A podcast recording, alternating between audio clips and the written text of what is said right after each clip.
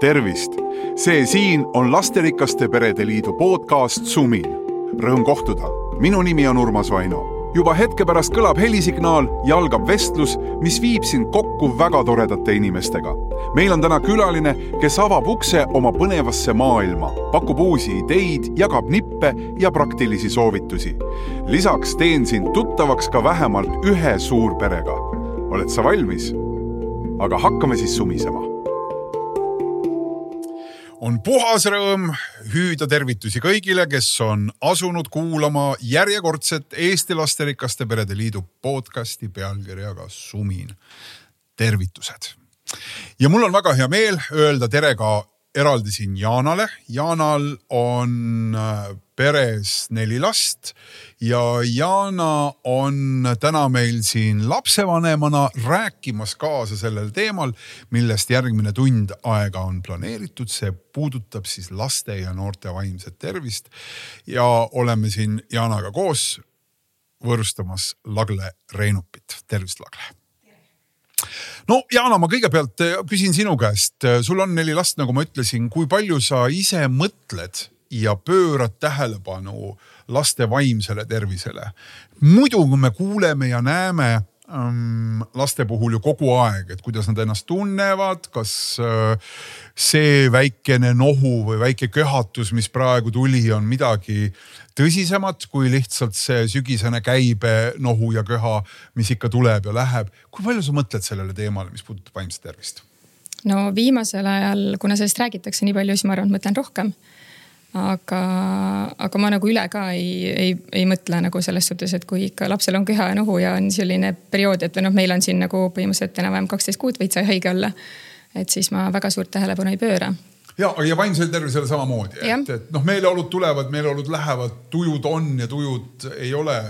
aga kuidas, mis on sinu jaoks nagu olulised asjad selle juures, mida sa nagu, mida sa nagu vaatad, et sinu, sinu nagu vanemad lapsed on, ütleme sellises eelteismelise eas, eks ju. no peaaegu juba teismelised. kümme, kaksteist, eks ju, jah, juba nippa-nappa hakkavad sinna jõudma. Kuidas sa iseenda jaoks siis kaalud seda, et kus nad omadega on, mis, mis nende juures? no ma üritan vaadata, et nad äh, eelkõige magaksid piisavalt, sest äh, nad ju tihti tahaks ju poole ööni üleval olla ja siis isegi õppimise koha pealt, et äh, kui ikka kell on, ma ei tea, üksteist, siis aitab küll, et kasvõi jääb tegemata mingi asi, aga et peab unetunnid täis saama ma arvan, et see on number üks. ja mm, -hmm. ja mhm. siis äh, mul lapsed teevad palju sporti ka. Et siis ma arvan, et alati, et, et sihukene füüsiline pool peab alati olemas olema, et muidu, muidu sa oledki vaimsega võib-olla kimpus natukene. kui palju see, see teema on ja, ja mis sinu jaoks võib-olla on see sellest rääkimise juures mingi selline märgiline asi, see noorte vaimne tervis teiste emadega, teiste isadega suheldes et kuidas, kuidas sulle tundub, kui, kui, kui kursis, kui, kui valmis, kui kohal me vaimse tervise küsimustes oleme? Äh, ma arvan, et see väga oleneb äh, seltskonnast ka, et äh, üldse, kas inimene on avatud või mitte, et kui palju ta räägib, osad ei taha mitte millestki rääkida. aga ma arvan, et me oleme aina rohkem teadlikumaks muutunud, et ongi seda infot on nagu nii palju, saad igalt poolt lugeda. ja spetsialiste on nagu ka noh, olen kuulnud, et päris hõivatud on nagu spetsialistid, et isegi aegu ei saada ja niimoodi, et et siis ma arvan, et on ikka inimesed rohkem informeeritud kui varem. ma olen mõelnud kõige selle juures, et üks huvitav detail on lihtsalt mingi selline enese sissevaatlus.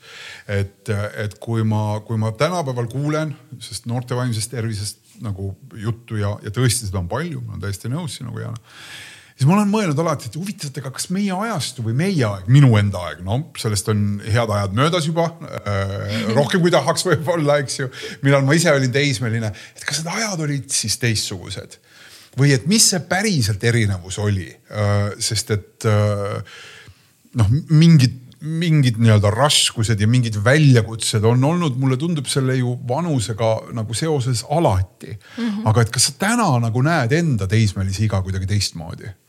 Ei, ma olen mõelnud küll selle peale, et kuidas minul on, oli ja kuidas nendel on ja tegelikult ma olen mõelnud isegi niimoodi, et, et kuidas minul praegu on ja kuidas minu vanematel oli. et kas ka nagu vahepeal on ikka sihukest, ütleme seda virvarri on nagu nii palju, et kuidas ise sealjuures mitte nagu üle panna. et nagu, et kas huvitav, minu vanemad mõtlesid sama, ma nagu noh, teismelisena või noh lapsena üldse ei adunud nagu seda, et ei tundunud nagu, et, et nendel oleks noh, mingi kiire või nii hull või siukene onju. aga võib-olla, võib-olla noh, nendel olid nagu nii-öelda teised probleemid ja teised mured nagu. ma olen alati mõelnud seda, mina sain lapsed üsna noored, esimesed eriti. ja minu vanemad jälle olid suhteliselt vanad ja ma mäletan, noh mitte ka väga vanad, aga, aga ikkagi seal kuskil kolmekümnendate teises pooles sündisin mina. Äh, ja ja ma mäletan iseenda seda mõtet, ah kuulge, mis te teate sellest. no praegu on hoopis teised ajad.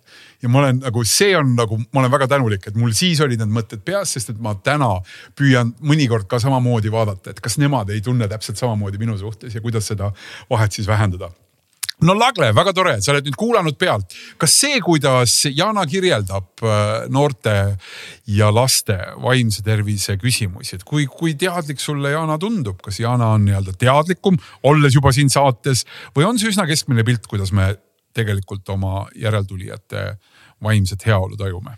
ma ei tahaks nagu hinnangut anda, see on ju nii äh, subjektiivne, aga kindlasti see, et mis mind hästi kõnetas, on, et see teadlikkus on tänapäeval lihtsalt nii palju suurem ja varasemal ajal, et ega ütleme noh, et kogu aeg on ikkagi olnud see, et aa, noored on olnud hukas ja mis need noored nii ja naa on ju, et. aga tegelikult ega vaimse tervise probleeme on kogu aeg olnud ja ajast on, on olnud erinev, et noh, kasvõi võib-olla kui me natuke lähme ka täiskasvanute poole peale. et kui me räägime kasvõi, et enesetapp on olnud ju läbi aastakümnete, ütleme, see statistika on läinud paremaks, oluliselt paremaks, kui ta oli üheksakümnendate algul. kuigi nüüd koroonakriisiga see tõusis, eriti noorukitel. ja samamoodi näiteks äh, peredega töötades, et alkoholi kuritarvitamine, et kui palju meil on neid perekondasid, kus seda pole olnud ja see on tegelikult kõik ju vaimse tervisega seotud. aga jah, ma arvan, see märksõna ongi see teadlikkus ja ka see teadlikkus on kaasa toonud selle, seda asja enam niivõrd ei stigmatiseerita. Et et, et on. me ei olnud... näe selles nii suurt probleemi või, või me ei näe nagu, mitte, mitte me... probleemi, vaid, vaid me ei suhtu teatud sellise eh, nagu eelarvamusega sellesse kõigesse. jah, et ma arvan jah, et see eelarvamus on nagu vähenenud, et ega mm -hmm. vanasti oli ka, et, et elevant oli keset tuba, aga sellest ei räägitud, aga täna me nagu võib-olla julgeme rohkem rääkida, ei karda seda silti enam külge saada. et ma arvan, nagu see on nagu põhiline vahe, et ja no mulle tundub nii, et, et tõsi, juttu on väga palju rohkem, aga sellel hetkel, kui me midagi peaksime tegema, mina küll ise tunnen, et nagu lapsevanemana on nagu tohutult keeruline olla siis see tugi. Ja sa saadki nagu mõelda nii palju nagu enda aja peale ja püüda sealt siis nagu tänase päeva mõõduki, mõõdu järgi kuidagi leida neid nagu õigeid või valesid ja teha sealt neid valikuid. aga ma saan aru, et see ongi see meie nagu kõige suurem häda. eks ju, et me nagu nii-öelda väga palju kipume neid mustreid lihtsalt edasi kandma, et me õpime nad vaikselt ära, ise võib-olla noh, saamata aru sellel hetkel ja hiljem kordame seda nagu kuidagi oma laste peal. ja, ja väga sageli on ka niimoodi, et pered ju räägivad, et näiteks mina ei taha käituda nii nagu mu vanemad on ju, aga kui see hetk on käes siis on see muster ju see, mis on tuttav ja ma lähen ja hakkan nii, ikkagi niimoodi käituma. või ma mäletan näiteks sellest äh, ajast, kui ma olin alustav psühholoog, hakkasin laste ja noortega töötama. mul ei olnud endal last, ma mõtlesin, et ma olen ikka noh, nagu päris tugev teoreetik, et ma olen ikka siin palju raamatuid lugenud ja nii edasi, on ju. aga kui ma ise sain lapse, siis ma okei okei okay., et nüüd ma saan nagu palju paremini aru, et näiteks kasvõi vihastumise koha pealt ma mõtlesin, et ei, mina küll ei hakka vihastuma enam, et või. aga noh, vihastun ja mitte vähe ja ma olen väga õnnelik, et ma vihastun, sest mu laps õpib seda, kuidas selle vihaga ka võib-olla toime tulema, tulla kui ta näeb, kuidas mina toime tulen, sest mina võib-olla ei ole nagu oma vanemate pealt nii palju näinud seda, kuidas vihaga toime tulla ja mitte selle koha pealt, et, et mu vanemad oleks kuidagi olnud füüsiliselt või vaimselt vägivaldsed, aga nad ei tülitsenudki omavahel ja need olid varjatud konfliktid ja ka mina ei osanud toime tulla ehk see tuli sulle ootamatult, sest sa ei olnud seda kuidagi nagu näinud ise ette, et sa, sa isegi ei teadnud tõenäoliselt, kuidas sa ühes või teises olukorras reageerid. jah, selles suhtes teooria mul oli mm, -hmm. aga kui ikkagi olukord on käes, siis ma lähen mustrisse siis ikkagi kipub niimoodi olema, et ma lähen mustrit kordama. aga millega ma saan mustrit muuta, on see, et ma ikkagi algul üldse teadvustan, et kuidas ma mingites olukordades käitun ja miks ma võib-olla käitun niimoodi Läheme selle laste ja noorte vaimse tervise juurde, me juba jõudsime siin Jaanaga ja, ja sa ka ütled, Lagle, et, et meie see teadlikkus on, on kasvanud ja tõesti, mis on tore, on kindlasti see, et ühiskonnas sellest räägitakse ja, ja, ja, ja erinevate detailide ja märkide äh, juures siis tähele pannakse. me püüame siin nagu võtta mõned nagu üldisemad teemad ja mõned äh, siis konkreetsemad teemad. aga ma alustaksin võib-olla sellest millega sa praegu, Lagle, mulle tundub justkui algust tegid, ehk siis me lapsevanemana äh, nii-öelda kasvatades last või, see on nii, nagu me seda mõistame, eks ju. kasvame koos. kasvame, kasvame koos, eks ju, ja, ja absoluutselt, aga noh, see, mida me siis nagu ise igapäevaselt nagu silmas peame, et vot siin nüüd on see laps, nüüd on need mm. küsimused. ja enamasti nad puudutavad nagu selliseid nagu väliseid asju, mulle tundub eks, et, et lapse mingi selline emotsionaalne areng või noh, et me võtame seda kuidagi nagu loomulikuna mm, -hmm. et, et see toimub ju sinna juurde, kui me üldse oskame selle peale mõelda. kuidas seda siis nagu teha, kuidas ma saan toetada lapse emotsionaalset arengut, näiteks seesama vihaga toimetulemine ja nii edasi, kõik need detailid, nüansid, et kuidas see õpetus päriselt teadlikuna algab. muidugi ta imiteerib, ta teeb mind järele mm, -hmm. eks ju, aga kuidas, kuidas see käib? Jah, ja siis on, on need arengulised eripärad, et, et väga suur vahe on, eks ole, kui meil hammustab kaheaastane laps või hammustab kuueaastane ja võib-olla nagu üks asi, et mida nagu eh, ma olen ise, et ma räägin ka hästi palju nagu läbi enda kogemuse, on see, et mõelda, et mille pärast mu laps teeb mingeid asju, mida ta teeb. ja teiselt poolt on ka see, et me küll mõistame, okei okay,, et emotsionaalselt ka, et me peame nagu laste, ma ei tea, tundesõnavara täiendama ja õpetama neile tunnetega toime tulema ja nii, mm -hmm. ja nii edasi ja nii edasi. aga ühelt poolt on see, et et väga sageli me tegeleme hästi palju nagu korrigeerimisega, et kui mingi olukord on juba ära olnud, aga millele ma arvan, tegelikult peab hästi palju tähelepanu pöörama, on suhe minu ja lapse vahel. suhe on alati, aga millise kvaliteediga ta on. ja väga sageli on see, et kui me lähme nagu lastega kuidagi, võib-olla noorukite puhul eriti, kes seal noh, lähevad ka natuke trotsi täis ja see on seotud sellise ealise eripäraga, et ma hakkangi oma vanematest eralduma ja vastanduma.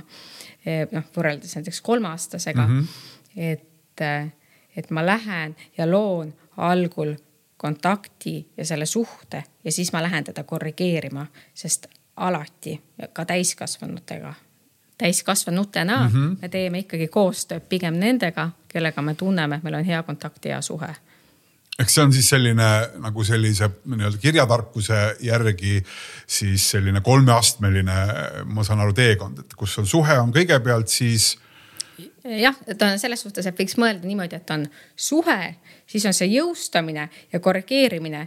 et suhe, kontakt ongi see, mille põhjalt ma saan minna üldse mm -hmm. midagi tegema. et ta mind üldse kuulaks, et ja, meil oleks üldse kuulaks, mingi see suhe olemas okay,. siis jõustamine on see, et eriti see on väikelaste puhul võib-olla, et nagu sina ütlesid ka, kas ta on piisavalt maganud, kas tal on, kas tal on kõht täis, et väga palju noh konflikte tuleb ka sealt tegelikult, et laps on magamata, ta on söömata, et. ta on poes need... kaasas, me oleme ja, päev otsa kuskil juba ringi kõndinud, eks ju, ta on käe otsas. miks sa jonnid, eks ju, et, et mis sul viga on, eks, aga viga ongi see, et ma olen päev otsa kaasas käinud ja, ja ma olen lihtsalt väsinud. ja siis ma mõtlen, et jah, ja siis me räägime, miks mm -hmm. ta jonnib ja tegelikult võib-olla üks lahendus ongi see, et kui tal läheks veresuhkur kõrgemaks, et ma arvan, et me oleme kõik käinud kunagi kuskil ja meil on kõht tühi või kui meil on magamata öö, et me teame, me ärritumegi kiiremini. ja see ongi see koht, et huvitav, miks ta teeb ja korrigeerimine on see, ma lähen ja ütlen, et kuule, see käitumine ei ole sobilik ja noh, mõtleme nüüd välja, mida teha, on ju. kui sa ütled kvaliteet, mida see siis tegelikult tähendab? kuidas me sellest võiksime aru saada, sellest suhte kvaliteedist? Suhte kvaliteet, ma arvan, see on nagu sihuke universaalne tõde, mis ei kehti ainult lapse ja lapsevanema vahel, on see, et me tahame olla kuulatud ja mõistetud. mida tegelikult eh, noh, mida on erinevad suhtekoolitused ja teraapiad keskenduvad väga palju tegelikult sellele, et me õpiksime teist inimest kuulama. ja see on vahepeal väga keeruline teha, eriti kui me oleme kellegiga väga emotsionaalselt seotud. Et noh, seda ma näen ka oma kabinetis väga palju ja ka eraelulises samamoodi, et Jana, kuidas sina ise mõtled äh, oma suhte üle oma lastega? kolm-viis, ma arvan, on teine situatsioon või teine olukord natuke nagu kümme ja kaheteistaastane no seda küll jah, aga väiksest peale ma olen kogu aeg öelnud, et see, see mõistmisega mul just tuli see, et, et mitte nagu hukka mõista neid, et ükstapuha, mis seal juhtus, et. ma ei tea, kasvõi lasteaias läksid mingi klotside pärast kaklema või äh, ma tean, et äh, ükskord äh, üks mu lastest siis sodis teisel mingi nii-öelda tema jaoks tähtsa nagu raamatu ära, on ju mm.. ja, ja siis ta pärast ütles, et ei, tema ei teinud seda. ma ütlesin, et alati, et kui midagi juhtub, et sa võid mulle rääkida. et ma ei hakka pahandama ja ma olen tegelikult rakendanud ka seda, et kui tema on aus minuga, et siis ma noh, ma ei karga kõrri talle. et siis ma noh, teangi, et mina olen tema tugiisik, et ükstapuha noh, eluetappides erinevates on erinevad lood, mida nad räägivad meile, on ju. et siis ma tean, et võib-olla ongi see viisteist või kakskümmend tuleb ka mingit lugu rääkima, kui ma olen nagu seda alustala nagu algusest peale nii-öelda tagunud, on ju, et, et hoidnud nagu seda ehk siis üks asi on see, et sa äh, nii-öelda annad neile võimaluse justkui eksida või, või, või minna, ma ei tea, siis mingitest konfliktidest. aitad neid välja tulla sellega, et sa, et sa püüad nii-öelda olla see mõistev pool nende jaoks. ja räägin oma eksimustest ka, sest muidu mm -hmm. nad arvavadki, et aa, et emme issi kunagi ei eksi, nemad teevad kõike õigesti. siis räägingi vahest, näed, mul juhtus sõbraga nii või mul läks tööl nii või, või siis mingi loo sinna juurde, siis nad alati on aa, et noh, et umbes, et sul ka juhtub, et noh, nende jaoks on see suur nagu imestus või nagu selles suhtes, et, et mm -hmm. siis toetada seda ma olen sellega hästi nõus ja eriti need oma kogemused, et mulle meenub ähm, oma sihuke lähiaja praktikast, et äh, mul oli ka üks ema ja tütar olid teraapias ja, ja lapsel on kooliprobleem, ta ei taha kooli minna ja kuidagi me jõudsime nagu vestluses sinnani, et ema hakkas rääkima ka oma koolikogemusi, et tead, et mina ikka vahepeal ei tahtnud minna ja tegime ka natuke pättusi ja, ja see suhte kvaliteet oli sellel hetkel hoopis teistmoodi, et tütar ütles ka, et ma ei ole kunagi neid asju kuulnud ja see oli huvitav. ja noh, ja seal on ka see, et, et minul terapeudina on ju, et noh, mille pärast inimesed tulevad ka pere, pereteraapiasse on sageli see, et me õpiks üksteist kuulama ja kuulmisega on see, et see on noh, ütleme aju arenguliselt on ka kindlaks tehtud, et kui sa lihtsalt kuulad mind, võib-olla peegeldad natukene, mida sa kuuled, siis mu aju hakkab juba rahunema ja sealt saab juba, tegelikult ma aitangi last sellega, et väga sageli on ka see, et kuule, ta hakkab juba lahendusi pakkuma, ei ole lahendusi, ma ei tahagi lahendusi, on ju, ma tahan kuulata, et. ja seal oli ka, et ma nägin, et selle ema ja tütre midagi nende suhtes muutus, on ju sellel hetkel, et mm. -hmm ei no ma ka ei taha, et lapsed arvavad, et äh, nii-öelda me oleme ideaalsed. ükski inimene pole ideaalne, ükstapuha mis valdkonnas vahest eksid ja siis samamoodi, kui ma lastega näiteks pahandan ja ongi see, et närviline päev, tulen koju, ma ei tea, noh umbes nad pole nõusid ära pannud või ma ei tea, mis iganes väike asi võib-olla vihastab mind, siis noh, korra kärgata nende pealest, pärast lähen ütlengi, et vabandust, et ma tegelikult tulin nagu halva emotsiooniga nagu sisse. kohe ründasin teid, et ma saan ju öelda ilusti ka, et olge head, et näed, te olete siin kodus olnud ja pange oma nõud ära, on ju. ja kui palju sa näed seda, et siin sinu laste emotsionaalne heaolu on seotud sellega, kui heas kohas sa ise parasjagu oled? muidugi on seotud ega kui sa, ega sa ei suuda ju oma emotsioone varjata, eriti nad isegi saavad aru, et ma olen sellest, sellest ka aru saanud, et kui ma toimetangi köögis, olen oma mullis, võib-olla seal on sihuke intensiivsem päev tööl olnud, midagi on võib-olla nihu veel läinud ja siis äh, vaatad, et noh, nagu suunurgad lähevad allapoole. Nemad tegelikult toimetavad vaikselt, aga nad ju näevad mind kõik aeg, et kui ma jah pööran ringi, ütlen no nii, et nüüd hakkame sööma, aga nad said aru tegelikult, et ma seal töö, noh tegin süüa ikkagi, mul oli midagi nii, nagu hinges. kui ema ütleb nii lapsed, nüüd on puljangi muna, et tagasi täiesti nagu endast väljas ja, ja rahutu, rahutu no,. vahest on niimoodi siis? olnud, et nad ise ka nagu muutuvad selliseks noh, kas rohkem jonnivamaks või mingi noh, väiksemad siis eelkõige suured ei jonni, on ju. või, või siis sellised, et, et noh, ongi, et hakkavad teise kallal nokkima või midagi taolist, et ma ei tea, kas see on nagu mingi ka sihuke peegeldus või, või kuidas see nagu neid mõjutab, et nad kuidagi tunnetavad ära jah selle, et ei ole päris selline tuju nagu emal ka nagu muidu on nagu, et ma olen täiesti nõus sellega, et et lastel noh, ütleme, et ongi, et meil on ajus peegelneuronid ja vahepeal ma ütlen, et lastel nagu tundlad, et me võime justkui öelda, et ei, kuule, kõik on jumala hästi, on ju. aga tegelikult nad tajuvad ära, et nad tunnetavad väga hästi oma vanemaid. samamoodi tegelikult nii nagu vanemad tajuvad ka oma lapsi, et ta võib ju tulla, et ei, kuule isa, ei, mul ei ole mitte midagi viga, on ju, aga tegelikult sa näed, et tal on midagi. ja ma arvan, see on nii ja kõige olulisem asi selle juures ka, et kui sa ütlesid, et on ju, et mul ongi raske päev ja, ja tegelikult väga ausalt ka öelda. mina ütlen isegi oma kolmeaastase samamoodi et tead, ema, ma olen täna väsinud, mul on raske tööpäev olnud ja ma võin kiiremini ärrituda kui muidu on ju. ja samamoodi, kui ma eksin ja väga hea, et ma eksin, et noh, need täiu-, täiuslikud vanemaid, neid ei ole olemas. ja kui vanem tahab saada täiuslikuks, siis on see juba noh natuke hinnanguliselt võib-olla natuke halb on ju, et siis me ei õpigi ju tunnetega toime tulema. ja tegelikult esimene õpetaja on ikkagi lapsevanem ja kui laps näeb, kuidas mu ema tuleb toime, ta julgeb tunnistada ja ta suudab ka seda, ütleme noh, et kui ma olen ka lapsele midagi halvasti öelnud, on ju vihahoos ja ma lähen ja ütlen, on ju, palun vabandust või tead, et mul on nii kahju, et ma niimoodi tegin. okei okay,, väga tore, väga tore, aga siin ma nüüd tulen ja ma ei tea, kas see on nüüd meeste värk, aga mulle tundub aeg-ajalt, ma olen ise mõelnud, et see võib olla nagu rohkem meeste värk, aga võib-olla ka mitte, võib-olla siin on puhas seksism praegu ja siis andke mulle see kõik andeks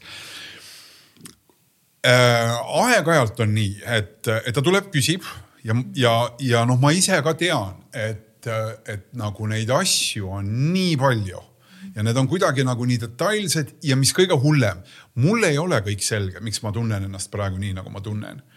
Uh, ja siis ma ikkagi ütlen, et nojah, et kuule, et, et ei noh, tegelikult on kõik okei okay. ja see ongi tõsi.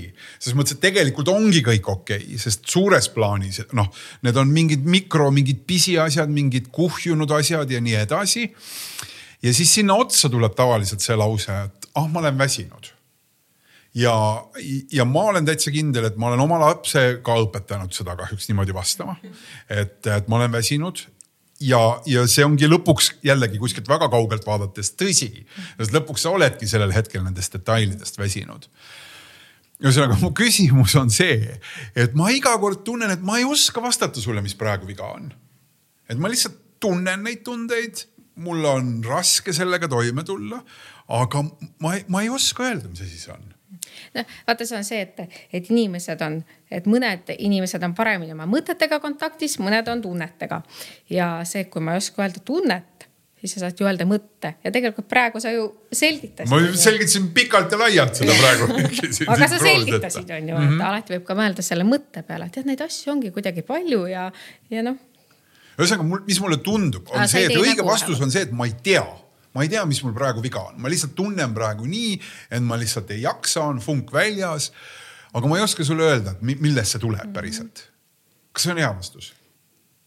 Aga sest, et ta ütleb, ütleb ka selle peale vastu natukese aja pärast, aga tead, ma ka ei oska seda seletada ja ma tunnen, et ma olen väsinud praegu. Mm.. noh, ja väsimusega ka, et noh, mitte see ei pruugi alati olla nii, aga mille pärast näiteks väga paljud noorukid ka ja ka täiskasvanud on see, et ma olen väsinud, on niisugused on ju füsioloogilised, et ma olen väsinud. aga teine, teine pool on ka see, et mul ongi neid emotsioone ja mõtteid ja tundeid nii palju peas. Ja võib-olla see ongi see koht, kus ma ütlen jah, et mul on palju asju ja ma pean mõtlema natukene et ma tõesti vajan natuke, võib-olla mul peavad need emotsioonid kuidagi alla minema või natuke ma pean kosuma või puhkama ja, ja siis ma ei tea, võime rääkida sellest või. Jana, kuidas sul on? kas sa oskad alati öelda, panna näppu oma tunnetele peale ja nendele põhjustele. et öelda täpselt, mis tunned ja, ja mis, mis, põhjustas selle emotsiooni. millest sa räägid just? ma arvan küll, et iga kord ei oska aga ma arvan, ma kasutan sedasama, seda, seda lauset, et ma olen väsinud. ma olen väsinud ja mulle tundub, et me peidame selle väsimuse taha igasuguseid asju, mida tegelikult võiks. aga no reaalselt sa oledki väsinud. aga nagu, jah, see on see. nagu pool tõde, pool vale. milles nagu... sa väsinud oled, on nagu teine teema, aga noh. just nagu sa ütlesidki, et ei olegi füüsiline väsimus, et tihti tuledki nagu, ongi mingi sihuke emotsioonne päev, hästi palju erinevaid, ma ei tea noh, tööl või, või mis iganes sind nagu mõjutavad mingid, ma ei tea, loed võib-olla midagi või. ja tuled koju, siis mõtled, oh saaks trennis ära käia, vaata, et siis oleks palju parem, kuigi tegelikult sa oled ju füüsiliselt liigutama ennast, aga noh, et see vaimne väsimus on nagu täiesti teine nagu.. üldiselt on alati ka seal, et noh, mis vajadus mul on rahuldamata mm. -hmm. no see, see on see, et, et ega sellised asjad meil ei tulegi kuidagi kiirelt ja see on nagu sihuke muskli treenimine, et ma hakkan teadlikkus sellega tegelema ja kui ma näitan ka oma lapsele, okei okay,, mina proovin ja ja eksin ja see on jumala okei okay. ja nii peab ka olema, et ega noh. No nii kui sa ütled, et mis vajadus on meil rahuldamata, siis mul tuleb kohe pähe mõte, et kui hästi me tegelikult suudame oma vajadusi kirjeldada, et kui head on meie teadmised või, või kontakt nende, nende sõnadega üldse kõigepealt, eks ju, mis, mis aitab seda kirjeldada ja, ja sealt edasi-tagasi siis mõeldes enda sisse, et, et kas ma ka oskan need sõnad panna enda vajaduste külge päris täpselt, see on keeruline. Aga tunde sõnavarast me natukene rääkisime ka, aga mis siis Lagle on see, et kuidas ma saaksin teha nii, et lapsed mulle neid olulisi asju räägiks ja neid ei varjaks.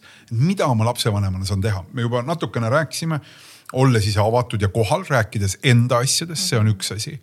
aga, aga mida me saame veel teha, et, et need teatud mingid detailid, mis meid puudutavad, ei jääks meist varju ma võib-olla tulen selle esimese poole peale, et, et enda asjadest rääkimine on oluline, aga alati on see, et kui palju ma rää pean rääkima, sest lastel kipub olema ka see, et kui me vaatame peresüsteemis, on need lapsed tegelikult tohutult palju muretsevad ka oma vanemate pärast. täpselt nii, ma võin nende peale oma, omaenda probleemide koorma panna hoopis. ja, ja mm -hmm. seda võib juhtuda ja väga sageli juhtubki, aga see on see, et siin ei ole õiget ega vale, aga ma pean nagu ära tunnetama, et see laps ei hüppaks nii-öelda minu kõrvale ja poleks mulle lapsevanema eest, et seda võib vaadata kasvõi ütleme kasvõi näiteks täiskasvanuna, et kui mul on vanemad elus, on ju, ja, ja mõtlen näiteks selle peale, kui noh, näiteks ma helistan oma emale, et kui palju tema jagab oma muresi ja kui palju jagan mina oma muresi ja noh, siis võib vaadata, mõelda protsentuaalselt, kui palju see on ja väga sageli ma küsin pereteraapias ka, et mille pärast sa näiteks ei räägi oma emaga. ka täiskasvanud laps on samamoodi laps ja ikkagi tema peaks jagama üles oma vanematele. aga ma ei taha, ta, ta räägib kogu aeg endast, on ju. et ma arvan, et me peame lastele rääkima, et ka vanematel on tunded ja ebaõnnestumised ja rasked ajad. aga kui palju seda on? et ma arvan, see on hästi oluline minu meelest mingi väike osa ongi selline nagu nii-öelda see jäämurdja, et sa midagi nagu jagad, aga tõesti sa ei koorma neid ära nagu, et sul on see, see, see, see, see, et või siis nad hakkavadki muretsema sinu pärast ka ja lisaks neil on mingid omad mingid mured, on ju. kas see Jaan on sulle tuttav? Äh, selles suhtes, et mul, ma, ma ei ole nagu ülimäära palju nagu lastele rääkinud oma nii-öelda mõtteid või muresid või teemasid. aga noh, nii palju just nagu ma enne ütlesingi, et mingid asjad ma ütlen ära, et oligi näiteks, ma ei tea, raske päev või, või mul oli ka lapsena nii või midagi sellist. et siis ma nagu mõtlen ka, et äkki see kuidagi noh, kõnetab neid, et nemad hakkavad mingit oma asja rääkima või midagi aga Lagle, aita seda piiri siis kuidagi paika saada, kas see, mida Jana teeb, kas see on, ma saan aru, nüüd on väga isiklikult, sa ei saa öelda, et oi, see on küll vale. Ja muidugi ja ma saangi aru, et sa ei saa teha seda. aga et mis see siis on, mida rääkida ja mida mitte rääkida, et, et kuidas seda nagu piiri siis nagu tunnetada? No ma arvan, et oleneb teemast, siis oleks võib-olla mingit kindlamat näidet vaja, aga noh, mina mõtlen nagu selle koha pealt, et et võib-olla konflikt, noh, no toome näiteks ühe näite lihtsalt, et ütleme, temal, isal on omavahel mingid pinged. nii, lapsed näevad seda ja siis kuidagi ema-isa, kas nad siis kuidagi veereb, noh, seal ei pea olema mingi füüsilist vägivalda või midagi sellist äärmuslikku, vaid on see, et on näha, et vanemad on pinges, kas ei räägi omavahel või, või siis see hääletoon on kuidagi sihuke kõvem, mis annab märku konfliktist. ja näiteks laps tuleb ja küsib, on ju, kuulge, mis toimub, on ju, et MS-id ülitsevad ja siis öeldakse, et ei, me ei tülitse, on ju. et noh, see on ju see, et see tegelikult tühistab selle lapse nägemuse, mis on tegelikult õige ja tühistab ka tema tunde. aga see, et kui sellel hetkel öelda, kuule ja tead, et äh, emme Lissil on tõesti mingi arusaamatu siin, noh, ma ei tea, mis asja pärast ka, et detaili ei pea nüüd päris minema, aga see, et jah ja me on ju tegeleme sellega ja proovime arutleda, kuidas, kuidas me saaks selle mure ära lahendada et aga jah, et päris nüüd, et ma ei tea, et noh, toome nüüd äärmusliku näite, et issil on nüüd armuke ja oi või noh, ma ei tea, mida iganes on ju, et, et mingi detaili kindlasti mitte. no ütleb väga lihtne, issi kulutab raha ära, et meil ei jätku noh, mingi selline konflikt, et kuidas, kuidas seda siis, kus, kus on see hetk, kus lapsega peaks nii-öelda sellest konfliktist nagu rääkima, mis see sisu on päriselt hea küsimus, ma, ma ei oska öelda, kui, kas ikka sa mõtled seda kohta, kui palju ma räägin. kui palju ma räägin, sest et edasi ma tahaks kohe küsida, et mis siis juhtub, kui ma teen seda, eks ju, et, et mi, mi, mis on see lapse äh, siis vanema tõus, lapse vanema kõrvale tõusmine, eks ju, et see, mhm. kus ta võtab ülemääraseid kohustusi endale, millega me paneme tegelikult talle pinged peale. Ja see, see, see võib olla tema jaoks probleem, eks ju, et mis on see, mida ma peaksin lapsega jagama ja rääkima ja mida siis enam mitte ma arvan, et võib-olla see on natuke sinna kommunikatsiooni teemasse, et me vaata räägime hästi palju sisust on ju, et noh, need noh, meil on mingid rahaprobleemid, isal on see arvamus, emal on see, näiteks võtame mingi näite on ju.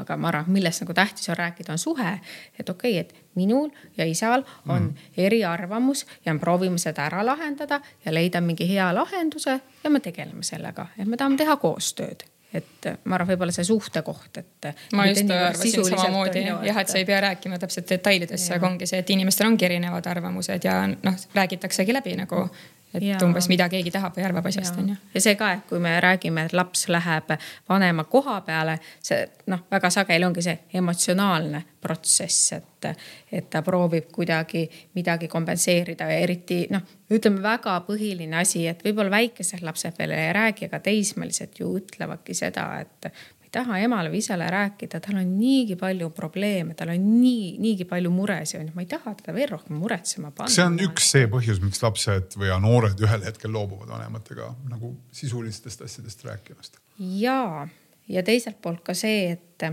et seda ei saa vanematele kuidagi pahaks panna, et meil ongi elus ju erinevaid äh, raskusi ja nii edasi, aga ma arvan, see on seotud hästi palju selle kuulamisoskusega, et ma lähen ja kuulan ikkagi last ja ma ei reageeri kohe sellele, vaid ma lähen ja proovin, see on, no ütleme niimoodi, et see on teoorias on see hästi lihtne, aga praktikas on see keeruline, aga nagu ma enne mõtlesin ka, see on see muskli treenimine. Ja samamoodi ma arvan ka paari suhtes me oleme kõik tajunud seda, et, et ma ei tea mees ütleb, et oi, tead, et ma olen siin praegu tunnen mingi asja pärast ennast nii tõrjutuna. jah, mis asja, mis tõrjutuna, mis põhjust on ju, see on tegelikult jälle see, et ma lähen teist tühistama, et noh, et mis Või on. ütleme kõik see, et ole nüüd, küll ja, sa saad ja, hakkama, no, ei ja, ole viga, kõik sellised asjad. jah, et noh, et selle suhte kvaliteedi määrab ka, ma arvan just see, et me teeme vahest sellele, et minul on oma mõtted ja tunded ja minul on õigus nendele ja ka minu lapsel või minu elukaaslasel, abikaasal on õigus oma mõtetele ja tunnetele. ja see, et ma proovin mõista, ei tähenda, et ma kuidagi õigustan seda käitumist, aga just see, et ma ei lähe seda tunnet tühistama. ja kuulad ära vähemalt teise inimese. ma lähen kuulan ära, onju, ja see on tohutult oluline. võib-olla see, et ma kuulan ära, et sinna juurde lihtsalt see arusaam, et meil kõigil ongi need lood, isegi sellest samast sündmusest, kus oli täpselt seesama puder laua peal, kus olid täpselt needsamad kohvijoogid või ma ei tea, hommikune äh, tee sinna juurde, me olime justkui kõiges, kõik koos selles episoodis. aga see, kuidas me sellest vestlusest või sellest momendist aru saame, võib olla täiesti erinev, sest et me oleme kõik erinevad inimesed ja see on meie erinev nägemus sellest ühest konkreetsest loost mis on tekitanud neid mõtteid ja tundeid no väga selge, ühesõnaga see on võib-olla esimene nendest sammudest, miks äh, nad meile midagi ei räägi ja, ja kuidas nad võiksid rääkima hakata. kas midagi on veel sellist, mis, äh, mille lõpptulemus on see, et lapsed meiega enam sisulisi ja olulisi asju ei räägiks? ja võib-olla edasi sealt järgmine küsimus on see, et kas see ongi võib-olla ka mingis hetkes nagu okei okay,, kui näiteks vanematel lastel tekib omavaheline suhtlus, kus nad jagavad seda mõtet või seda ideed või seda probleemi omavahel selle asemel, et rääkida sellest näiteks vanematele? minu arust see on igati eluterve, et kui ühel hetkel ongi see, et kui peres kasvab mitu last, et neil ongi omad teemad, oma mured ja nad lahendavadki neid ja ka räägivad omavahel ja see on ka see koht, et kui, kui peres on palju lapsi ja siis alati vanem peabki kohe minema ja sekkuma, et ütleme, see probleemi lahendusoskus tuleb vahest ka sealt, et las nad natuke madistavad omavahel, et ma ei lähe sinna kohe nii-öelda üle funktsioneerima, ära lahendama, muidu nad ei õpigi ju konfliktidega toime tulema.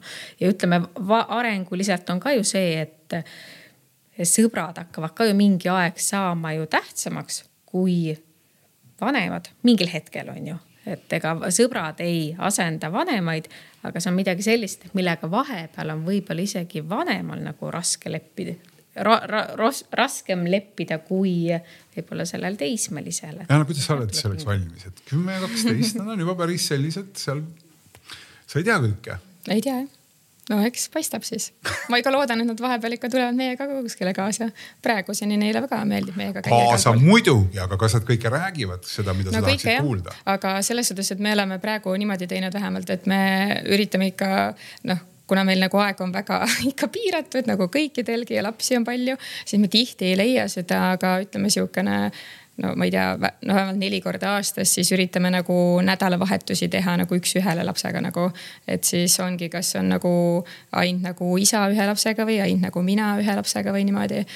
Et äh, ma olen vaadanud, et äh, noh, põhimõtteliselt kui sa isegi kaks päeva kuskil oled ühe lapsega ainult teed oma toimetusi, noh jagategi, võib-olla te ei peagi mingi hulle nii-öelda saladusi jagama või midagi. aga nii huvitavad vestlused tulevad sealt, nad räägivad koolist, trennist, sõpradest. no palju teistsugusemaid lugusid, mida ma üldse kuulnudki ei ole ja siuksed hästi avavad ennast nagu.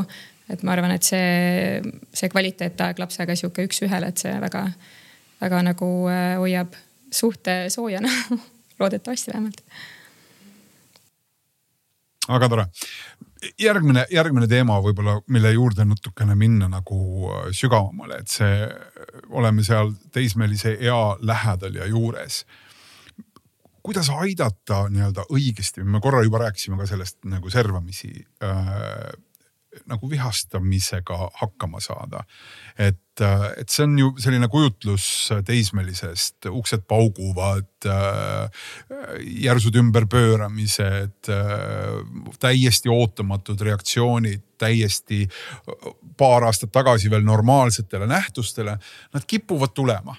esiteks, millest see märk on ja kuidas siis nende vihapursetega või vihasööstudega toime tulla? noh, ütleme, et eks see viha ju see on ju tegelikult juba ütleme noh kuskil ju algusest saati, beebieast saati ju on meil ju viha on ju meil sees. mis see viha on, et võib-olla algul mõtestab selle lahti, et viha on ju tegelikult samamoodi mingi rahuldamata vajadus, et viha annab meile märku, et mingi minu vajadus on rahuldamata ja viha on alati sekundaarne emotsioon. see tähendab siis seda et ennem kui see vihapurse tuleb, olgu see siis täiskasvanul või teismelisel või kõik me oleme inimesed, kõik vihastavad, kes ütleb, et ta ei vihasta, siis on võimalik, kas ta pole inimene või ta siis valetab, on ju. et, et aga ta hakkab kuidagi teismelise eas, hakkab ta rohkem välja paistma et noh, võib-olla ka kolmesel paistab ta välja, kahesel paistab välja, sest mingi mm -hmm. aeg on natuke rahulikum ja seal on see, et, et ühelt poolt on ju, esimene asi on ikkagi see, et ma mõistan, on ju, ja see ongi arenguetapp ühesõnaga, ta vihastab, et see on selge, see on loogiline. normaalne, on ju, see on normaalne. Ja kuidas ma on ju saan talle nagu toeks olla sellega. et noh, et oleb nüüd, mis see eesmärk on, et kas ta nüüd ei, ei paugutaks uksi või, või kellel see probleem on, et ta paugutab ust, et no ma ei tea, no mul ei ole olnud päriselt seda nagu liiga palju, aga, aga ma kuulen seda kogu aeg ja no lõppude lõpuks see on ju endal ka nagu äh, nagu keeruline sellel mhm. hetkel, kui ma, kui ma, kui see tõenäoliselt juhtub noh, ma ei taha öelda siin, et kuule, maja laguneb ära, eks ju, aga lõpuks võib see ka probleem olla, et kuule, et sa pead mhm. suutma ennast taltsutada, kui see hoog on ikkagi nii suur, sest et ma tean täiskasvanuid, kes, kellel on ikkagi käibefraas, et, et mind tabas vahkviha. ja ta mõtlebki seda, et ta ei ole, ta ei suuda kontrollida oma käitumist sellel hetkel nagu üldse, üldse, et see lähebki üle kõik igasuguste piiride kas see siis on nii või kas sa peadki aktsepteerima lõpuks selle siis, noh vihastab, siis vihastab? vihastamine normaalne selles suhtes, et seda peab küll eh, normaliseerima, et vihastamine on osa mhm. inimeseks olemisest ja see, et ja muidu öeldakse, et halvad tunded ja head tunded ja noh, see on ka see, et oi, meie peres ei saa viha olema, meil kunagi keegi ei vihasta. et esiteks me peame ikkagi normaliseerima, viha on vajalik, aga teine asi on see, kuidas me seda väljendame. aga see ei ole nagu see koht, et kus ma siis lähen moraali lugema, kuule ikka uksed siin pauguvad ja läheb katki siin midagi ja nii edasi, on ju. vaid see on see koht, kus me läheme tagasi sinna, ma lähen loo, loon selle lapsega kontakti, et näiteks ütleme, meil oli mingi riid omavahel ta noh, ütleme, ma ei lubanud tal mitte Google'i, noh Google'i minna, kui ta oleks tahtnud minna. ja siis ma lähen ütlen küll, et kui see natuke see emotsionaalne temperatuur on maha läinud, et tead, et ma ikka nägin, et sa kuidagi väga ärritusid ja, ja ma proovin mõista ja ma tahan mõista ja, ja ma kujutan ette, et kui mina oleks näiteks viisteist ja mu ema keelab ka kuhugi peole minna, on ju, et kuhu ma tahan väga minna, mina oleksin samamoodi väga vihane, et või väga kurb või ja noh, ja ütleme, et mis mm -hmm. vajadus seal all on, näiteks ütleme selles noh selle konkreetse näitega on see, et see kuuluvusvajadus on ju, et ma tahan kuhugile minna kuuluda ja siis ema mul ei luba. noh, ikka vihastab küll ju. ta lõikab mind justkui minu enda inimeste, minu, minu jaoks oluliste inimeste hulgast ja, välja ja võtab ära selle. kui ma proovin seda vajadust mõista, et mis sellel lapsel seal all on ja ikkagi see, ka see tõlgiks olemine, et ega, ega noorukite puhul ongi see impulsiivsus on ju veel eriti ja et noh, seal ajus toimub nii palju muutusi ja pluss hormonaalsed muutused, et, et ongi sihuke väljakutseid pakkuv aeg, et mm. -hmm. ma ei tea, kui palju sa oled, Jana, juba kohtunud sellega, kas see, kas see, kuidas, kuidas sina oled seda näinud, ise kohanud? ei ole veel. ei ole veel, ees on ja tegelikult ütleme niimoodi, et noh, see uk.... ees on, midagi tuleb, eks. see ukse paugutamine on nagu noh, sihuke nagu klassikaline näide on ju, mida tuuakse nagu stereotüüpselt kuidagi. aga mind võib-olla ütleme niimoodi laste ja noorukite psühholoogina panevad isegi rohkem kuidagi muretsema lapsed, kes hoiavad kõike väga endasse, kellel isegi need uksed üldse ei paugugi, et või noh, niimoodi noh, et ta ei näita mitte kuidagi välja, vaid ta hoiab nagu kõike. et mingit emotsiooni ei ole nii-öelda. ja, et pigem see on nagu noh, et kui nagu ühe peab valima, see on nagu kergem lähtekoht, et, et. siis me ei saa ka teada, eks ju, mis teda ja. puudutab, mis teda ei puuduta, et ta lihtsalt hoiab selle kõik kuidagi iseendasse ja see ja see võib olla noh, seal võib olla erinevaid põhjusi ja võib-olla see üks põhjus võib olla näiteks jah, lapsel ei ole turvaline oma tundeid väljendada ja see, et okei okay,, mul uksed pauguvad ja nii edasi, on ju. ma võib-olla kasutan isegi mõnda krõbedast sõna oma vanemate peal, on ikkagi see, et ma tunnen ennast piisavalt turvaliselt, et ma saan oma tundeid välja näidata.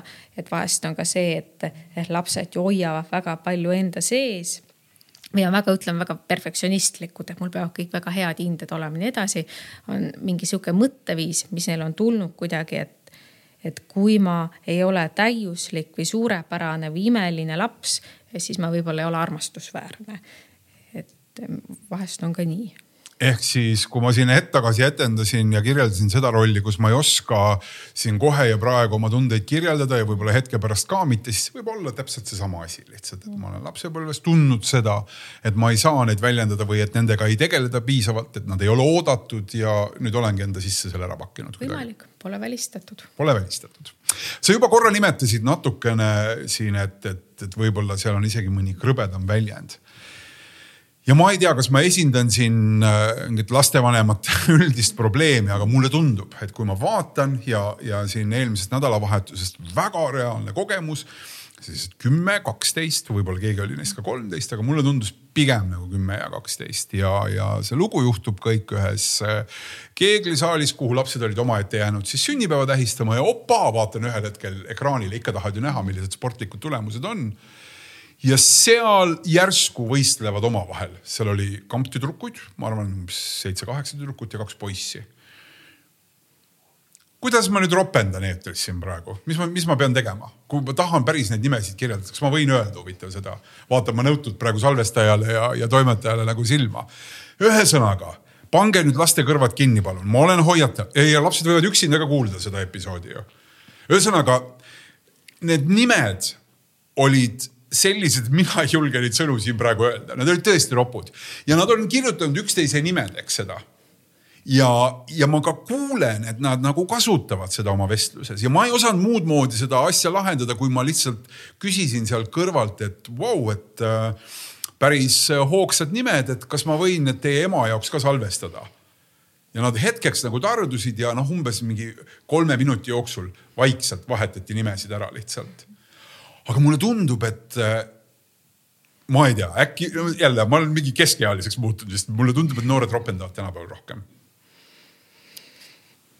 ma ei tea, ma ei tea statistikat. aga, okay, aga, aga sa, sa saad aru sellest, mis see on? ja ei, ei, ma tean, ma olen, ma olen kuulnud, et ma olen mõnda noorukit ikka näinud, et, et ka seal vahepeal on, et noh, ja võib-olla selle koha pealt ka, et noh, et kellel oli probleem, on ju, sinu, sinul oli probleem. ei no meil on siin ikkagi nagu päris pisikesed ka, kes oskavad tähthaaval kokku lugeda, mhm. et mingi nagu vaist tekkis, et noh, et mm -hmm ma ei saa neid sõnu öelda, ma võiks kirjutada sulle, mis need olid ja ma ei taha, et seal, mhm. eks ju, keegi, kes mhm. tähistab oma kaheksa aastast mhm. sünnipäeva nagu loeb seda, et see on kellegi nimi no võib-olla see on ka valehäbi, et võiks ju siis selgitada, et mida selle lakkuja nagu tähendab või et mida need noored mõtlevad selle all. aga olid nad nagu ise kõik rahul ja õnnelikud, et ei olnud see nagu sihuke kiusamise moodi, et. natuke, mulle natuke tundus, et see oli kiusamise mm -hmm. moodi ka kergelt mm. -hmm. et seal oli ikkagi ka, ka ühe nagu tegelase nii-öelda võib-olla rassilisele erisusele okay. viidatud, päris selline sirgjooneline nimi. ja noh, ta ei vaidlenud otseselt, aga mulle ei tundunud, et ta tunneb ka hästi ennast. sest teinekord, et noh, kui näed nagu noori, see mõnikord on nagu selline noh, tead nagu kambavaimu teema, et me kuidagi siin ropendame, oleme lahedad ja cool'id. aga noh, teine teema on see, kui ikkagi keegi saab nagu mingi sildi külge aga kui või nad ropendavad lihtsalt, et oleme lahedad ja cool'id, siis võib lasta seda teha neil või? no kellel on probleeme no päris kirja, ma ei tea, ma olen nagu ühes paadis sinuga, et ma Nii. kirja küll nagu, ma ei tea, tundub juba liiast mulle natukene nagu. mul, mul isegi ropendamine mulle üldse ei meeldi, ma ei ole mm. nagu teismelisena ise ka kunagi ropendanud ja no ma täpselt ei tea, kas mu lapsed ropendavad või mitte, ma loodan mitte, onju. aga et, et kuidagi noh, tänavapildis kuuled ka sihukest või noh, nagu, et räägitakse nagu inetute sõnadega, aga ma mõtlen, kui sa ikka kirja paned ja tõesti lähedki sinna bowling usse või ja näed seda. ma arvan, ma oleks küll šokeeritud natukene nagu, kui ma mõtlekski, et minu lapsed näiteks võivad ka sealsamas kambas olla või midagi, et. ja, et noh, et jah, minul on nagu see uudishimu koht, et mille pärast nagu noh, see konkreetne. ei, ma ka läks küsima, jah. ja, ja teinekord loomulikult, et ega sellele, et, et kui peres või kuskil sõpruskonnas või kuskil seda, seda näed, et, et noh, äkki ütledki, vaata, sa oled nagu noh, ma ei tea nii ilus ja tark tüdruk ja võib-olla sa annad nagu halba eeskuju, et kellelegi teisele sellega, et ja alati ka küsida, mille pärast sa seda teed või, või noh, et nagu arutada, aga niimoodi, et ma ei lähe nagu hinnangut andma, vaid uurida ja see on nagu see uudishimu koht on ju, et, et ega nad ise ka vahepeal võib-olla ei tea, mille pärast nad seda teevad. vahetevahel ma olen mõelnud, et nad muidugi ka võib-olla ei tea seda sõna päris täpselt. aga seda on olnud ka. ja, ja ma arvan, et see on ka vahe, see on üks tore meem, mida kasutavad. ma olen näinud täpselt, kuidas üks mingi sihuke kolmeaastane vaatab aknast välja, ütleb oh fucking coat ja, ja ema ütleb, et no just a coat, eks ju. ja, ja, ja, ja, ja, ja noh, et see on selge, et ta on kuulnud, kas isa või ema või, või keegi kasutab ja niimoodi, oi vabandust. Niimoodi see käib, eks. aga, aga, aga see on ikkagi harvem olukord, kus nad ei tea seda, et ma arvan ikkagi, et väga hästi teatakse. Ja see on piiri kompamise asi mõnes mõttes, et ta vaatab, kuidas sa reageerid ja, ja see on tore. ja ega vahe, ma arvan, see on päris tihti ka see, et eriti täiskasvanute nähes või kuuldes ongi see, kuule, kui palju sa nagu lased mul teha, et ega lapsed ju ja noored katsetavad. Ja ka see koht, et ütleme, kui ta saadab sind kuhugi väga pimedasse kohta et noh, ma tean ühte näidet, kus siis ema ütles, et nii hea, sa panid oma pettumuse ja viha sõnadesse. et mitte see, kuule, mina olen sinu ema, sa ei räägi mm -hmm. minuga niimoodi, vaid ütleski, et nii hea, sa panid oma pettumuse ja viha sõnadesse on ju noh.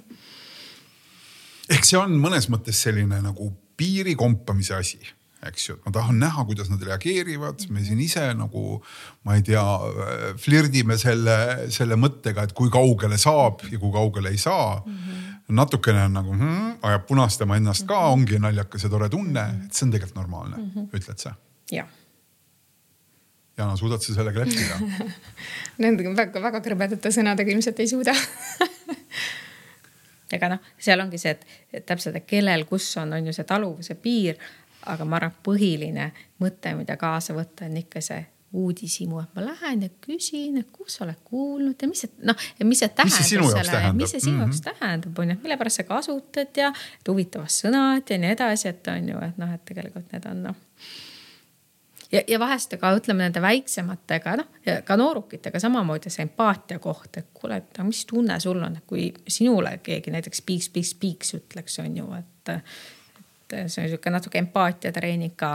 aga noh, ütleme jah, et mis seal kõige ebaefektiivsem on ikkagi see, kui ma lähen lihtsalt targutama, et kuule, selliste sõnadega ei tohi rääkida ja nii edasi ja nii edasi ja nii edasi, on ju. annan hinnangu ja siis ta teeb selle nurga taga nii või naa, on ju ja, ja noh, siis mulle tundub, et kohati see on ka nagu see, mida ma tahtsin saada, et mm -hmm. ma mhm. saan sinu tähelepanu, sa tuled ja suhtled ja mm, -hmm. ja vaatan, kuidas sa siis ise sellest äh, plindrist välja ukerdad, eks ju, julge seda öelda, mis ma olen mhm. sinna kirjutanud ja kuidas sa siit välja tuled mm. -hmm. aga sa tõid ühe detaili siia juurde ja, ja, ja küsisid, et kas seal oli ka mingit kiusamist ja et mulle tundub, et ka see kiuslikkus on kusagil nagu meie sees olemas äh, ja siis on küsimus, et kas ta pääseb välja või ta ei pääse välja, kas ma saan hakkama sellega või ei saa hakkama sellega.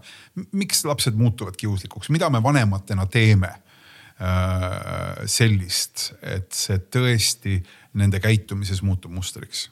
mina olen nagu seda meelt, et kui laps nii-öelda käitub halvasti, noh kiusamine ilmselgelt on halb käitumine, me võime sellele ikkagi hinnangu anda, siis see laps ka tunneb ennast halvasti ja see on nagu fakt. ja mõtleme näiteks, et kui pere puhul et noh, kui ma näen, et üks ikkagi käib teist togimas ja nii edasi, on ju. seal noh, väga sageli võib ikkagi olla see, et, et noh, et ta otsib tähelepanu ja mulle isegi ei meeldi öelda, et laps otsib tähelepanu, vaid ta otsibki kontakti. ega lapsed ei tee vahet, on ju, kas see on nagu noh, kas see tähelepanu on nii-öelda halb või on see hea, aga ma saan, on ju sinult seda, mida ma tegelikult tahan, on ju, et ja see on nagu hästi-hästi tavapärane ja see ei ole mitte üldse suurte peredega, vaid on ka, on ka on ka sellised noh, et ma ei tea üks-ühele, näiteks mina ka oma lapsega näen, et kui ma teinekord teen arvutis tööd, ma ei ole talle seda selgitanud või meil ongi vähem kvaliteetaega olnud, siis ta tuleb ja hakkab mind kuidagi niimoodi torkima ja, ja siis ma saan aru, et okei okay,, et ta tegelikult vajab seda kontakti praegu, et see on nagu hästi tavapärane, et ütleme selle kiuslikkusega ja võib-olla nagu laiemas kontekstis, et, et kui me rääkisime, et võib-olla, et varasemal ajal noh, kas oli vähem nagu selliseid probleeme või märgatud. et mulle meenub oma kooliajast üks äh, poiss, kellel oli tegelikult väga keeruline perekondlik taust ja siis oli tema siis kooli põhikiusaja ja tal oli tegelikult ka silt oli küljes, et tema ongi kiusaja ja kogu aeg igasuguseid ähm, rumalusi seal nii-öelda tegi, onju. aga ta sai kogu aeg seda tegelikult, seda täiskasvanute tähelepanu või kontakti või nimetame kuidas tahes teda, et see tundus nagu üsna loogiline, et ta ju kuidagi teistmoodi ei saanud ja siis see oli see variant. ja noh, ja muidugi ütleme kiusamise ka ütleme kuskil sihuke noh, koolis ja nii on ka see, et et jah, et ka seal ongi see, et ma tahan nagu mingit popula populaarsust saada või, või kuidagi nagu kõva, kõva mees või naine olla või, või, või jah mida, mida me vanematena saaksime nagu teistmoodi teha, et mulle meenub jälle ka üks nii-öelda kuuldud lugu mm. -hmm. ja, ja, ja seal siis äh, olid peategelased üsna ühevanuses, ühes vanuses äh, õde ja vend ja, ja vend hästi tähelepanelikult äh, nagu siis äh, püüdis jagada õele tähelepanu, õde sai sellest episoodist kohe aru ja nüüd kohe tuleb nagu see, et millest ta nagu aru sai. ja venna nagu sellise väikese embuse peale viskas ennast lihtsalt pikali, lasi nagu hääle valla, hopsti oli täiskasvanu kohal, poiss sai sugeda ja tüdruk sai siis sellise toi, näed vaesekene, mis sinuga juhtus, et ära nüüd nuta ja tõuse püsti mm. -hmm ja kõrvaltvaataja lihtsalt näeb seda pealt, eks ju, püüab küll pärast nagu vanemale öelda, et vot, mis siin nüüd nagu toimus, aga, aga siis üks on löödud, üks saab tähelepanu et seal lastel tuleb nagu hopsti välja see -hmm. kuidas ma päriselt siin nagu manipuleerin. -hmm. eks ju, et, et noh. miks ja kuidas? kuidas nagu nendest olukordadest nagu päriselt välja tulla või kuidas, kuidas sa nagu siis, kuidas sa siis ei ütle sellele kannatanule, et oh, näed, nüüd läkski nii no kui sa, kui sa ei näinud seda olukorda, sa ei saa seda öelda no,. alati sa ei saa seda, täpselt nii, sa pead olema see, kes on ohver. kaks väiksemat on poisid, neil on kogu aeg mingisugune teema käib, onju. nii kui ma lähen, ma ei tea, umbes pesumasina nuppu vajutama, olen, ma ei tea, minut aega teises toas, juba kuulen mingi asi ja no muidugi üldjuhul on see, et väiksem kisab et äh, mul on nagu mõlemal, ütleme esimesel-teisel lapsel on kaks aastat vahet ja kolmandal-neljandal ka, siis nemad olid samasugune duo nagu. et noorem hakkas kisama ja siis alati sa tahaks nagu minna ja siis äh, selle vanemaga pahandada. aga kuna ma tulen nurga tagant, ma ei tea tegelikult, mis sinna eelnes, on ju. kindlasti ma tegin mitu korda seda viga, et ma pahandasingi vanemaga ja siis üks moment ma vaatasin, et aa, see noorem tegelikult, need ongi siuksed nagu manipulaatorid, nad käivad ja susivad nii kaua, kui see suurem plahvatab. ja siis ma nagu loobusin sellest, et ma, ma ei, ma ei ütle kummalegi midagi, noh, ma, ma küsingi, et noh, mis teil juhtus, kui nad ei räägi, üks ajab ühe kaela, teine teise kaela, siis ma ütlen, et aga nii siis on, sellepärast mina ei näinud seda olukorda ja mina ei ütle, et nüüd oled sina või sina süüdi. et aga sa pead hästi nagu alla suruma selle, et sa ei lähe sellele nii-öelda kisajale appi mm -hmm. nagu selles suhtes, et. ja, ja sinu jutuga mul tekkis nagu see mõte, et ütleme, kui ongi kaks last, on selline olukord. et äh, esiteks on siis see, et, et okei okay,, lähedki näiteks lapsevanemana ja ütled, et kuulge, ma näen, et te olete mõlemad ärritunud. et noh, siis kui see emotsionaalne temperatuur on natuke maha läinud ja sa juba peegeldad. siis küsid, et kuule, et mis sa arvad, mis tema tundis, mis tema tundis. kuulad ära selle olukorra ja siis on ka see, kuulge, mida saaks järgmine kord teistmoodi teha?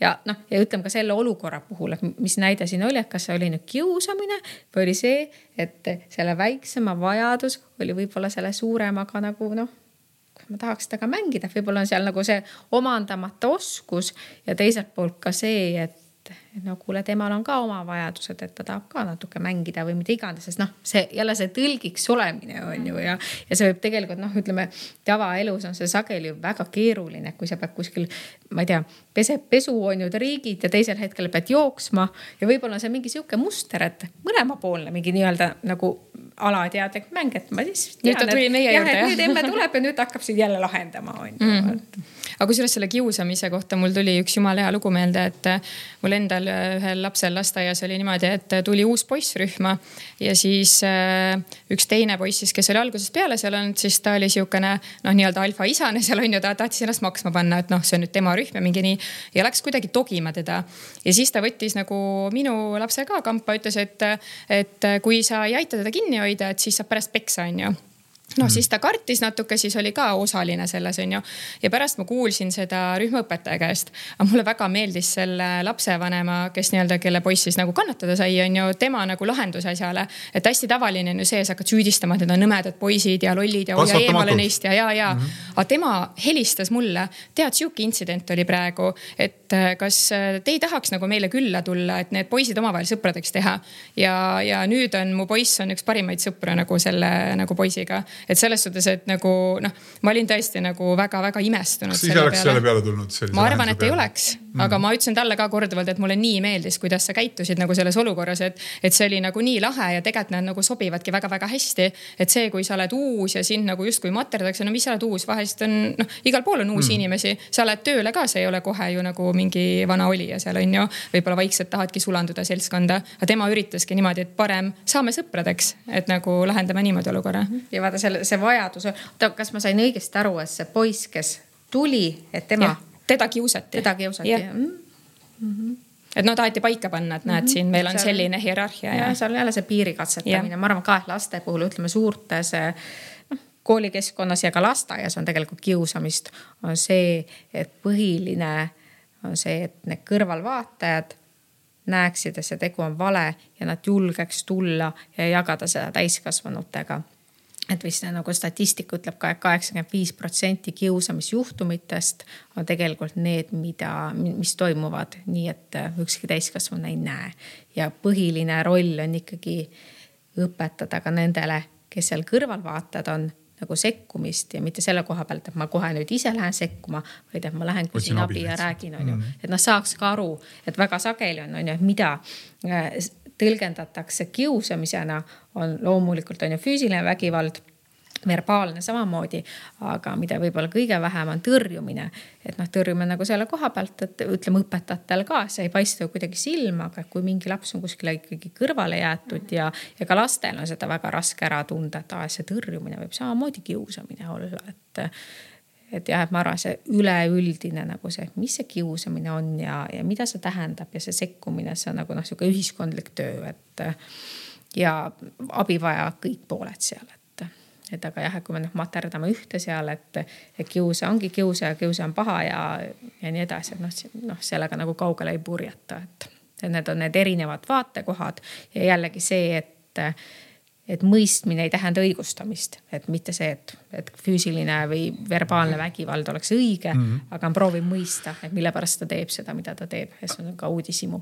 Laagle, hakkame vaikselt meie vestlust siin kuidagi Vahesadamasse tüürima, sest mulle tundub, et, et et äh, neid lugusid, neid kogemusi, neid on väga erinevaid ja, ja, ja sellest kõigest juba ainuüksi lihtsalt rääkimine on juba väga teraapiline ja aitab väga palju edasi.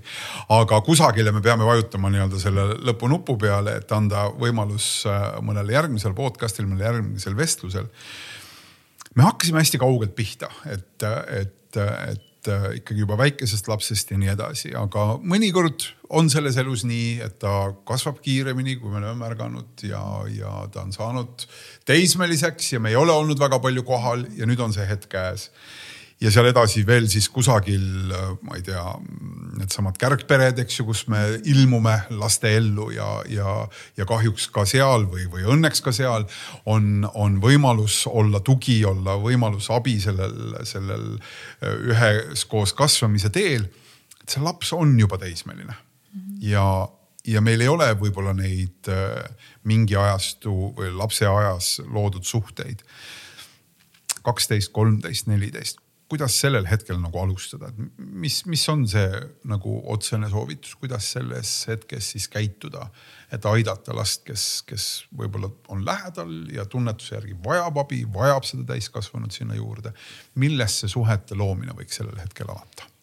ma arvan, see hakkab ikkagi täpselt sellest samast, et kui me rääkisime, et on ju see kontakt, jõustamine, korrigeerimine, et ikkagi sellest kontaktist ja see peab tulema. me ei saa jõustada, me ei saa korrigeerida enne. jah, kui meil ei ole olema sellest kontaktist. jah, ja kuidas see kontakt, et mulle väga meeldis ka see sinu kuidagi mõte, et on see kvaliteetaeg ja ühelt poolt on ka see, et ma ei saa minna nagu kõrval istuma, et kuule, ma tahan. tule räägime. tule räägime, ma tahan sind nii mõista, see võtab aega ja me peame sellel hetkel ka tajuma seda, et see võtabki aega ja ma olen lihtsalt olemas, ma olen avatud, ma proovin ja vahepeal on ikkagi väga head nagu need olukorrad, et kus me lihtsalt läheme kuskile, oleme ja võib-olla me oleme ise ka täheldanud täiskasvanutena, kui, kui ei ole mingi sihuke pingutatud istumiskoht, vaid me lähme kuhugi, ma ei tea, jalutama, teeme midagi, on mingi aktiivne tegevus ja seal tegelikult hakkame me kuidagi avanema. aga see tähendab seda, et mul on see turvatunne olemas, et okei okay,, see inimene on mulle piisavalt turvaline ja vahest on ka see, et kuidagi et kui mõeldakse, kas on liiga hilja minna ka suhteid nagu parandama või looma, siis ei ole. et näiteks pereteraapias ju käivad ka viiekümne aastased inimesed oma kaheksakümne aastaste vanematega, see suhe kuidagi saaks muutuda kvaliteetsemaks, sest see ei ole mitte kunagi hilja. aga samas me peame andma ka lapsele aega et noh, eriti nagu näiteks selliste juhtumite puhul, et kus võib-olla laps on ühe vanemata kasvanud see vanem ilmub kuskil teismelisena, täiskasvanuna välja ja siis on ta kohe pettunud, et nüüd ma tulin, hakkasin siin, ma ei tea, asju ostma, reise mm -hmm. välja tegema, aga näed, ta ikka ei jaga minuga, siis me peame nagu aru saama, et see asi võtab aega, on ju. Ma ühe asja veel lõpetuseks küsin äh, veel täiesti eraldi teemal, aga tänapäeval väga palju räägime siis äh, nutisõltuvusest ja mingitest uutest sõltuvustest, mis ka meie vaimset tervist kuidagi häirivad, rikuvad, kahjustavad.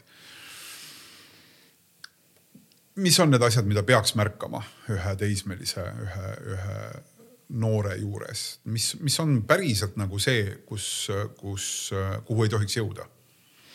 ütleme, need põhilised ohumärgid on ikkagi see, kui noh, näiteks sina tõid ka välja, on ju magamise, kui unegraafik läheb täiesti sassi, nad on ärritunud oluliselt rohkem, kui nad on varem tähelepanematus ja nii edasi, on ju, et need on nagu need teemad, et mis on kindlasti nagu sellised punased lipukesed. ja ütleme, et ega tänapäeva ühiskond ongi ju selle koha pealt nii palju väljakutseid pakkuv, et need asjad ongi nii palju lihtsamini kättesaadavad. aga ka siin on näiteks, no ütleme, veipimise teema, mis on praegu ülipopp, et et nagu mõelda ka selle koha pealt, et noh, mina lähen ka, noh, mul on nagu lihtne teha seda psühholoogina. et lähen küsin, et kuule, et mille pärast sa seda teed või et noh, ja, ja, ja väga sageli tuleb sealt välja, jälle ma lähen nagu selle koha pealt, et mis vajadus see veip tal täidab. et kas on see, et okei okay,, ma tahan nagu popp olla, lähen sõpradega, teine ütleb, et ma tahan äre, ärevust maandada, aru saamata sellest, et tegelikult see nikotiin mul ärevust tõstab. et ikkagi ma lähen ja olen seal jälle uudishimuga, et, et mis see on. Ja kui sealt tuleb näiteks välja, et noh, et ütleme, see ongi mingi ärevuse ja pingega seotud, siis me saame lastele, noorukitele õpetada võib-olla midagi muud, on ju. Et mis noh, et kuidas ma siis oma ärevust maandada saan ja ka selle, ütleme selle kuuluvustundega, et kas see, et ma julgen grupist eristuda ja öelda ei, et kas see teeb mind võib-olla just vastupidi populaarseks on ju, et, mitte see, et ma, ai, ma teen asja sellepärast, et mu sõbrad teevad ka. et ikkagi seda vajadust uurida, mis tähendus see lapsel on. ja ütleme noh, ja nutisõltuvusega on ju samamoodi, et, et ega see ongi väljakutse ju kõigile ja, ja võib-olla ka vanematena ise jälgida seda, kui palju me tegelikult ise nagu seadmetes aega veedame, et see ongi lastel tavaliselt põhiline argument, kuulnud. kuule, vaata ise, eks ju, mis sa ise teed. jah, jah, et äh, ma panin telefoni ära, aga et sa ütlesid mulle seda kaks tundi tagasi ja umbes oma nina pole tõstnud sealt on ju, et mm. -hmm ja ehkki aeg-ajalt kuuled mingeid killukesi ka sellest, kuidas ma ei tea, juba kaheteist-kolmeteistaastased teevad ka nagu ühtlasi joomispidusid või joomisõhtuid, et mm., et kuidagi nagu tundub, et et, seda kohalolemist on nagu, et see muutub kogu aeg nagu tähtsamaks või selles mõttes, et see maailm oma võimalustes on lihtsalt nii avatud. et neid hetki, kus sa võid äh, nagu sattuda tegema midagi, mida sa võib-olla kümne aasta pärast järele mõeldes ei, ei tahaks teha. Neid on väga palju. ja, ja arenguliselt on see jälle see nagu riskikäitumisega seotud. see teismelise eas ja ka kaksteist on ta juba teismeline, aga on ka see, et me saame mõelda ka see, mis nagu see last kuidagi kaitseb. et on ju see, et et ikkagi nagu need toetavad ja ausad peresuhted on üks asi, millega me ikkagi kaitseme teda, mitte sellest, et ta ei lähe ja ei proovi, on ju, vaid see, et, et ta ei läheks sellega kuhugile sügavasse auku, on ju. et noh, et kui me lähme jälle nagu noomima ja karjuma, õiendama ja suuri karistusi panema peale, et pigem võib see seda frustratsiooni hoopis suurendada et ikkagi mina, mina alati proovin sealt ka ikkagi seda vajadust leida, mille pärast see laps ikkagi noh, ütleme, see on nagu üle piiri läinud igatepidi, et.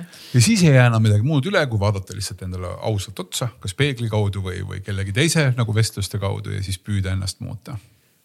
jah, ja siin ongi ju see, et võib-olla ka üks, üks nagu sihuke lõpumõte, et väga sageli me ju tahame minna teist muutma ka laste puhul on ju, see, et et ikkagi, et mida mina saan teha selleks, et tema saaks kuidagi muutuda. ja, ja kui mina muutun, võib-olla siis tema ka juba muutub ehk siis kahepoolselt, mida sa ise saad teha ja mida mina saan sinu jaoks teha.